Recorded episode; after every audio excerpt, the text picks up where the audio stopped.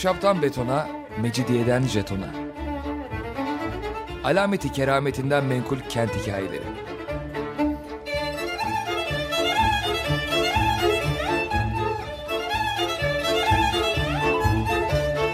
Hazırlayan ve sunan Pınar Erkan.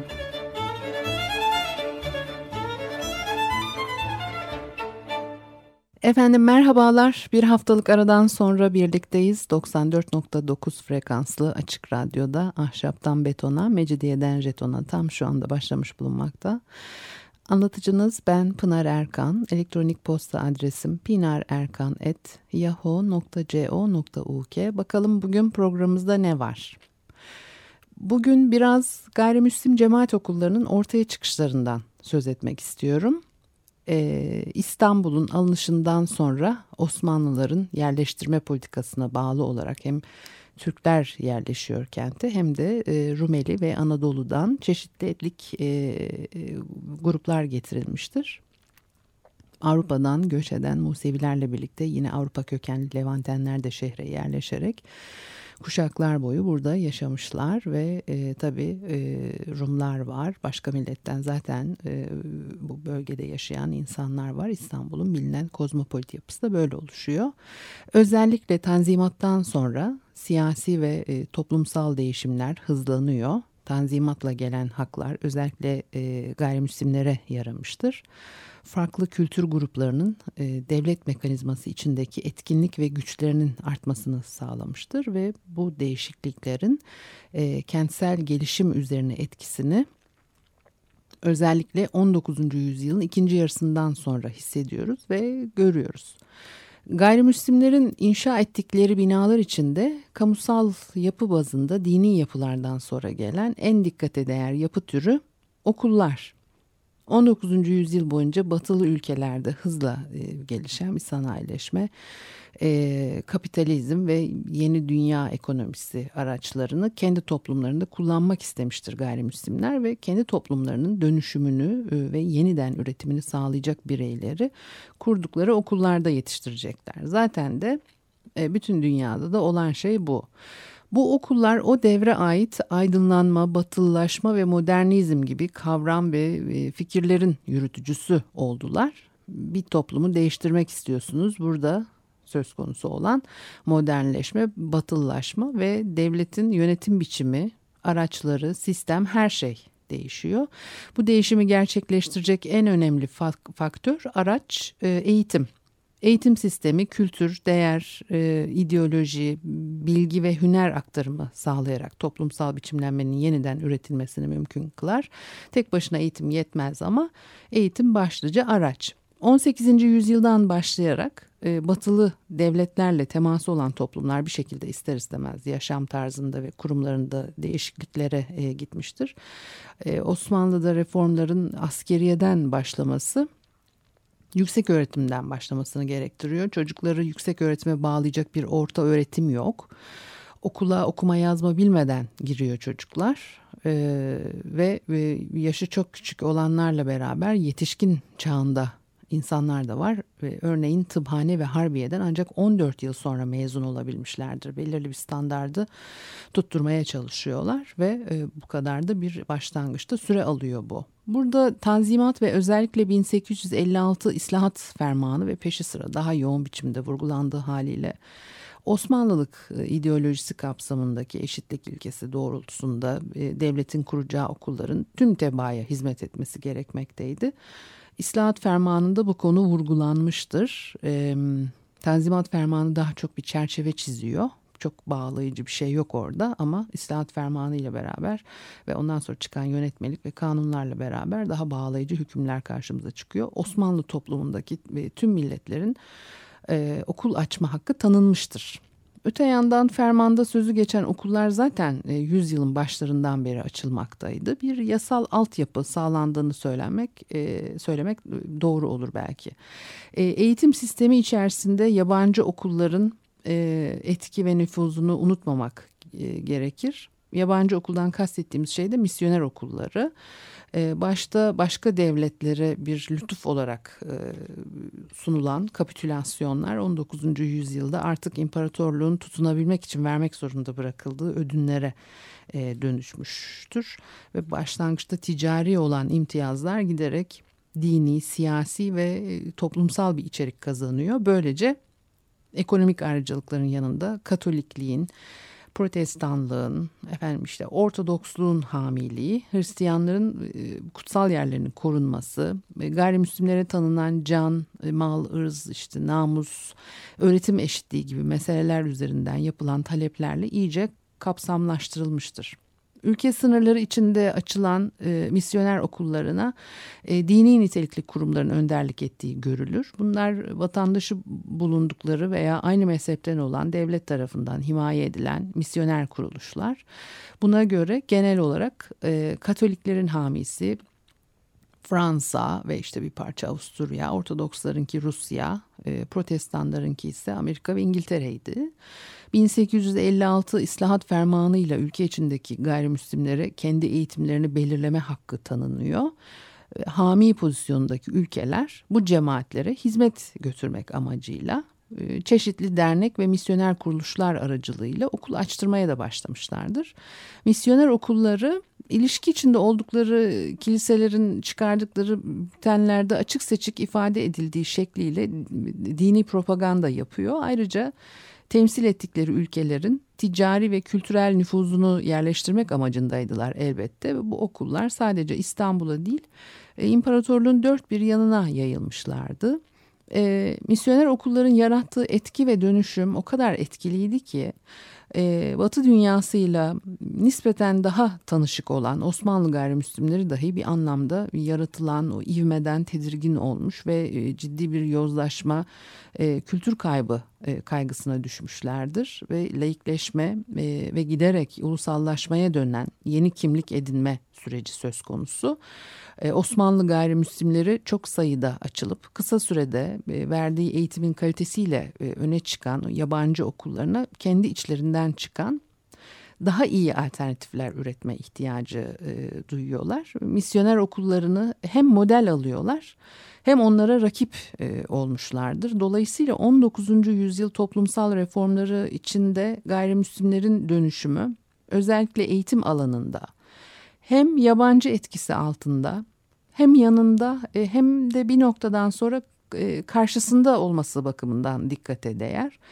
E, ama değişim tanzimatla aniden başlamadı. Osmanlı Devleti'nde hukuki statü bakımından Ortodoks cemaatlerin en yüksek temsilcisi İstanbul'daki Patrikhane'ydi. Cemaatlerin iç idaresi toplumsal yaşamla ilgili olarak işte eğitim, dernekleşme, evlilik kurumu gibi örgütlenmeler Patrikhane sorumluluğundaydı. Ve Osmanlı toplumu içinde de e, ticaretle uğraşmaları e, sebebiyle Burjuvazi ilk olarak Rum Ortodoks cemaatinden e, çıkıyor ve kurulan ticari ilişkilerle birlikte batılı bir yaşam pratiği ediniyorlar aydınlanmanın getirdiği açılımlar çok etkili bu devirde ve bu e, düşünce fikirlere ilk onlar e, maruz kalıyorlar veya işte temas ediyorlar. Onlar bunları ilk defa öğreniyorlar diyelim e, ticari ilişkileri sebebiyle ve ekonomik gelişmelerle birlikte kendi etnik cemaatlerine e, e, tarihsel bir geçmiş sunan ve geleceği e, aydınlanma fikirleri doğrultusunda yorumlayan yeni bir entelektüel kesim ortaya çıkıyor. Bu kesim e, Batı ülkelerine örnek alınması hatta e, taklit edilmesi gereken bir model biçiminde algılıyordu. Yani tüccarlar Avrupalılaşmıştı. 19. yüzyılda yükseliyor Rum burjuvazisi ve açtığı okullar, okulları ve eğitim faaliyetlerini destekleyici e, ciddi unsurlar olarak çeşitli kültür ve yardım dernekleriyle e, kendi kurumlarını da çok güzel e, oluşturmuştur. Üstelik bunu dini otoriteden olabildiğince bağımsız biçimde gerçekleştirdiler. 19. yüzyılın Rum burjuvazisi Tanzimat sonrası yeni dünya görüşlerinin e, yeşerdiği bir ortamda Patrikhane'nin karşısına e, aynı cemaati ilgilendiren farklı bir güç odağı olarak e, çıkıyor ve eğitim kurumları toplumsal değişimleri yansıtan en iyi örneklerden e, batılı yaşam tarzını ortaya koymak için her bakımdan e, yeni alanlara yöneliyorlar. Mekansal olarak da e, kaçınılmaz biçimde gelenekselin dışına çıkıp bir anlamda meşruiyetlerini buldukları Avrupa'yı sistemin filizlendiği Galata, Pera çevresinde e, batılı yaşam biçiminin yeniden üretilebileceği yeni kentsel çevreler yaratmışlardır. Yeni kentsel çevrede yeni yaşam biçimlerini üretecek olan insanlar eğitim kurumlarında biçimlenecekler. Yani o zamana kadar patrikhanenin tasarrufuna bırakılmış eğitim öğretim faaliyetleri e, basit yaklaşımlarla kiliselerin nartekslerinde, avluların bir bölümünde, uygun bir bölümünde e, yürütülmekteydi. Bu e, e, e, Müslüman Türk kesim için de geçerliydi. 1839 Tanzimat Fermanı, 1856 İslahat Fermanı ve e, 1860'larda çıkan yeni düzenlemelerle birlikte modernleşmenin gereği olarak eğitim e, kitleselleşiyor. E, bu çerçevede yüksek eğitime yönelik temel eğitimi verecek okulların ilk defa e, Galata Pera çevresinde e, kayda değer hale geldiğini ve Galata Şişli istikametinde yayıldığını görüyoruz. Okulların açılmasını, inşasını ve devamlılığını sağlayanlar hem mütevelli heyetlerinde aktif görev alarak e, hem de Helen Filoloji Derneği örneğinde olduğu gibi çeşitli kültür kuruluşlarına yaptıkları yüklü miktarlarda bağışlarla e, dönemin önde gelen tüccarları ve bankerleri aynı zamanda çeşitli devlet kademelerinde görev yapmış kimseler de karşımıza çıkıyor. Bunlardan tıbbiyede görev alan, hocalık yapan saray doktoru e, Stefanos Karateodoris'in oğlu Alexandros Karateodoris e, 1876 Kanuni Esasi'nin hazırlanmasına katkıda bulunmuş. 1878 Berlin Konferansı'nda devleti e, temsilen delegelik yapmıştır. E, Hırsakis Zografos, e, e, Zarife ailesini unutmamak gerekir. E, çeşitli isimler, e, Stefanovic, Skilitsis, e, Andreas, Valianos, Menalos, Negropontes, Konstantinos Karapones, e, Zafiropoulos, Stefanos Zafiropoulos gibi isimler e, devrin önde gelen ve hükümete borç veren bankerleri olmakla e, kalmayıp devlet yönetimiyle iyi ilişkileri olan, e, kimisi bütçe komisyonlarında yer almış, cemaat içinde öne çıkan isimler bunlar. Yüzyılın sonlarında Zorafyon Rum Erkek Lisesi'ne e, dönüşen meşhur Panayya Okulu Galata Rum Okulu, Zapyon Rum Kız Lisesi ve Merkez Rum Kız Lisesi 19. yüzyılın ikinci yarısında Osmanlı Devleti'nin başkentinde e, devrin ideolojisine uygun olarak e, toplumsal ve ekonomik dönüşümleri yansıtan ve elbette eğitim verme işleviyle cemaati dönüştürecek e, yeniden üreten e, kurumlar ve yer aldıkları kentsel doku içinde e, temsilcisi oldukları yeni dünya görüşünü etkin biçimde yansıtıyorlar. Avrupa'yı yaşam biçimini e, mekansal bağlamda ifade etmeye çalışıyorlar. Şimdi bu tabii bir bölgeyi e, burada ifade ediyor. Yoksa İstanbul'un e, başka yerlerinde de elbet bir sürü e, gayrimüslim cemaat okulları var. Ama e, Tanzimat sonrası dönemde şehirde kuzeye doğru geliştiği için e, tarihi yarımadadan çıkıp işte özellikle Galata ve e, Pera'dan sonra kuzey istikametinde için e, o görüş çerçevesinde bu okulları sadece örnek verdim şimdi. Bir ara verelim ondan sonra devam edelim.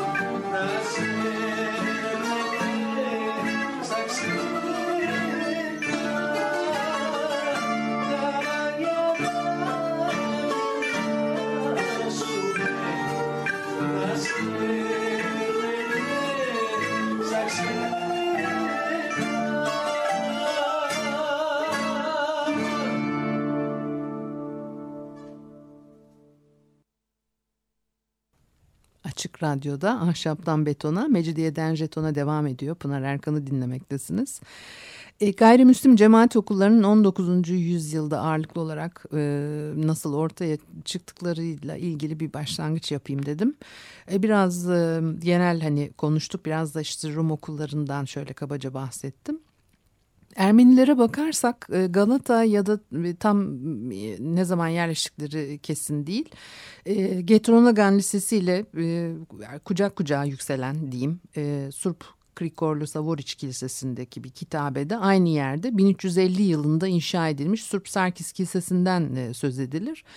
Bu kilisenin adı başka kaynaklarda da geçtiği için Ermenilerin e, Galata'ya en geç 19 10 ne 19 14. yüzyıl başlarında geldiği e, tahmin edilebilir. Hatta Engürülü Abraham isimli bir rahibin İstanbul'un fethi üzerine 98 kıtalık Ermenice bir Mersiye'yi e, Galata'da yazmış olması e, Ermenilerin daha o tarihlerde bölgedeki kültür faaliyetlerine başlamış olduklarını da gösteriyor. 1478 yılına ait sadece erkeklerin sayıldığı bir istatistiğe göre e, tarihi yarımada dediğimiz bölge sınırlarında kalan İstanbul'da 1860, Galata'da ise 310 Ermeni yaşamaktaydı. Bunu da Pamukcan'dan aktardım oradan aldığım bir bilgi. İstanbul İstanbul'da ilk e, Ermeni matbaasının 1567 e, yılında Roma'dan gelen Tokatlı Abgar Tıbir tarafından e, kurulduğu anlatılır. 1695 yılında Thomas ve Gugas Vanantisi tarafından e, künyesinde tüccarların özellikle Ermeni tüccarların kullanımı için ibaresiyle basılan bir dünya haritası. Ee, ilk basımı Amsterdam'da 1668 tarihli olup 1699 e, pardon 98 e, e, yılında yapılmış bir İstanbul baskısı da bulunan Ananya Şiragatsi'ye ait e, Orta Çağ coğrafyası gibi çalışmalar Ermenilerin batıda yapılan bu konulardaki e, bilimsel e, gelişmeleri takip ettiğine işaret eder. Ermeniler basım işlerine 16. yüzyılda başlıyorlar. Zaman içinde giderek gelişen bir zanaate e, dönüşmüştür bu. 14. E, 15. yüzyıllarda Cenevizlerle yürüttükleri ticaret 17. yüzyılda dünya çapında e, iyice gelişiyor ve bununla da işte e, paralel özellikler taşıyor. Basılan eserler hem dünya çapında yapılan ticaretin sağladığı olanaklardan yararlanmakta hem de ticaretin daha verimli yürütülmesine yardımcı oluyor. Kapitalizmin gelişmeye başlamasıyla birlikte Ermeni ticaretinin de doğudan batıya kayarak İstanbul'da e, yerel sermayenin artmasının e, sağlaması. Matbaacılıkta 17. yüzyılın sonlarında Vanantetsi kardeşlerin yaptığı bir sermaye yatırımcılığı olarak değerlendirilebilecek girişimlerde bulunulması. E, Ermenilerin erken tarihlerden başlayarak sermaye ile kültür üretimi arasında e, yani nasıl bağ kurduğunu da örnekleyebilir. Ermenilerin kayda değer ilk eğitim faaliyetleri de İstanbul'da bu tarihlere denk e, düşer. Osmanlı döneminde Ermeniler e, önceleri dini bakımdan e, Bizans döneminde Ortodoks Rumluğa geçmiş bir grup dışında sadece Apostolik Kiliseye bağlı yaygın olarak Gregorian dediğimiz Ermeniler İstanbul'un alınışının arkasından 2. Mehmet diğer cemaatleri olduğu gibi Ermenilere de dini serbesti tanıyor. E, fakat e, Dominiken misyonerlerinin çalışmaları sonucu ve e, tabii Katolikliğe geçmiş daha sonra Sivaslı Rahip Mikitar'ın e, çabalarıyla Katolikliği e, kabul eden Ermeniler e, Türkiye'deki Katolik Ermeni cemaatinin kaynağı e, olmuşlardır. Mezhep e, değiştiren Ermenilerin Katolik inançlarını sadık kalabilmeleri için Latince öğrenmelerinin e, gerekliliğine dayanarak Katolik Ermenilere Latince öğretecek okullar açılmaya başlanıyor. Fakat 1714-1715 yıllarına gelindiğinde Osmanlı İmparatorluğu'yla e, Vatikan'a yapılan ayrı bir cemaat olarak tanınma talebi kabul kabul edilmemiştir. E, Katolik Ermenilerin ayrı bir cemaat olarak tanınması 1830 yılını buluyor. Bu tarihte artık e, koşullar değişmiş. E, bir yıl sonra da ayrı bir cemaat olarak resmen tanınmıştır e, protestan Ermeniler. 19. yüzyılda protestanların koşulları daha farklı. Şimdi bu böyle kabaca bilgi Ermenilerle ilgili İstanbul'un alınışından 1790 yılına kadar memleketin çeşitli yörelerinde sadece dini bilgiler veren kısa ömürlü Ermeni çocuklarının eğitimine yönelik yapılanmalar vardı. 1790 yılında ise Şnork Mıgırdiç Amira Miricanya'nın e, Kumkapı'da açtığı okul. Ermeni cemaatine ait ilk resmi okul ve bu örneğin arkasından 10 yıl içinde diğerleri gelmiştir. En kıymet verdiklerimizden biri de Cemaran Okulu e, içerik olarak verdiği eğitim olarak e, devamlılığı sürekliliği e, olarak. E, aydınlanma ve batılılaşma hareketleri Ermeniler üzerinde de çok etkili e, ve onların içinde kilisenin ve din adamlarının kültürel hakimiyetinin e, sona ermesi ve halk kitlelerinin e, entelektüel e, düzeyde özgürleşmesi anlamına geliyor bu süreçte yaşananlar. Ve İstanbul'da e, misyoner okulları da incelendiğinde Ermenilerin kendi okullarına olduğu kadar e, yabancılar tarafından açılan e, protestan ve e, katolik okullarına da, e, da rağbet ettiği görülmektedir. Ayrıca cemaat okullarının yanı sıra e, Galatasaray Lisesi ve Tıbbiye gibi hükümetin açtığı okullara da devam ederek devlet hizmetinde önemli konumlara gelen bireyler yetiştirmişlerdir. İstanbul'daki ve Anadolu'daki e, e, Ermeni okullarının e, tamamı Ermeni Patrikhanesi'ne bağlı değildi. E, bir kısmı cemiyetlere, bir kısmı da şahıslara e, aitti. 1893 yılından başlayarak e, Marif Komisyonu'nun denetiminde işliyorlar. Cumhuriyetin ilanına dek de bu şekilde devam etmiş. E, bu okullarda okuyan öğrenci ve eğitim veren öğretmen sayısı savaşların getirdiği göçlere göre azalma veya, e, veya işte savaş koşullarına göre artış e, gösteriyor veya azalma gösteriyor. 1900 yılında sadece İstanbul'da bir tek Ermeni okul sayısı 40. E, meşrutiyet devrinde hükümetin açtığı okullara devam eden çok sayıda e, Ermeni öğrenci bulunmaktaydı ve Birinci Dünya Savaşı'ndan sonra Türkiye'de Ermenilere ait sadece İstanbul'daki okullar e, kalmıştır. E, Musevi okullarına vakit kalmadı. Belki alyans okullarını ayrıca bir programda anlatabilirim. Galatasaray'dan da orada e, söz edebiliriz. Bu her bir cemaatin kendi aydınlanmasını bir sağlaya, sağladığı sürecin çok önemli bir parçası açtıkları okullar e, toplumsal etkileri var. E, yani sadece eğitim bazında e, çocukların aldığı eğitimle toplumun dönüş, dönüşme süreci içerisinde bir de hani e, fiili olarak yaşanan e, enteresanlıklar var. E, o okulların tabii kentsel e, biçimlenmeye katkıları, e, kamusal yapılar olarak e, okullarla, okul yapılarıyla e, kentteki oluşum ve etkileriyle ilgili çok şey var e, söylenecek. Fakat bir giriş yapmak gerekirdi benim açımdan. Şimdi bu programda onu yapmış oldum. E, başka programlarda belki e, detaylara da inebiliriz yeri geldikçe.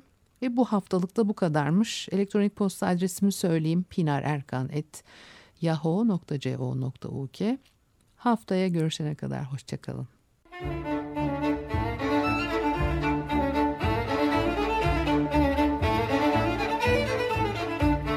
Ahşaptan betona, mecidiyeden jetona.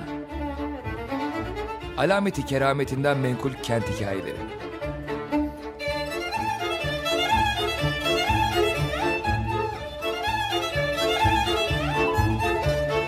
Hazırlayan ve sunan Pınar Erkan.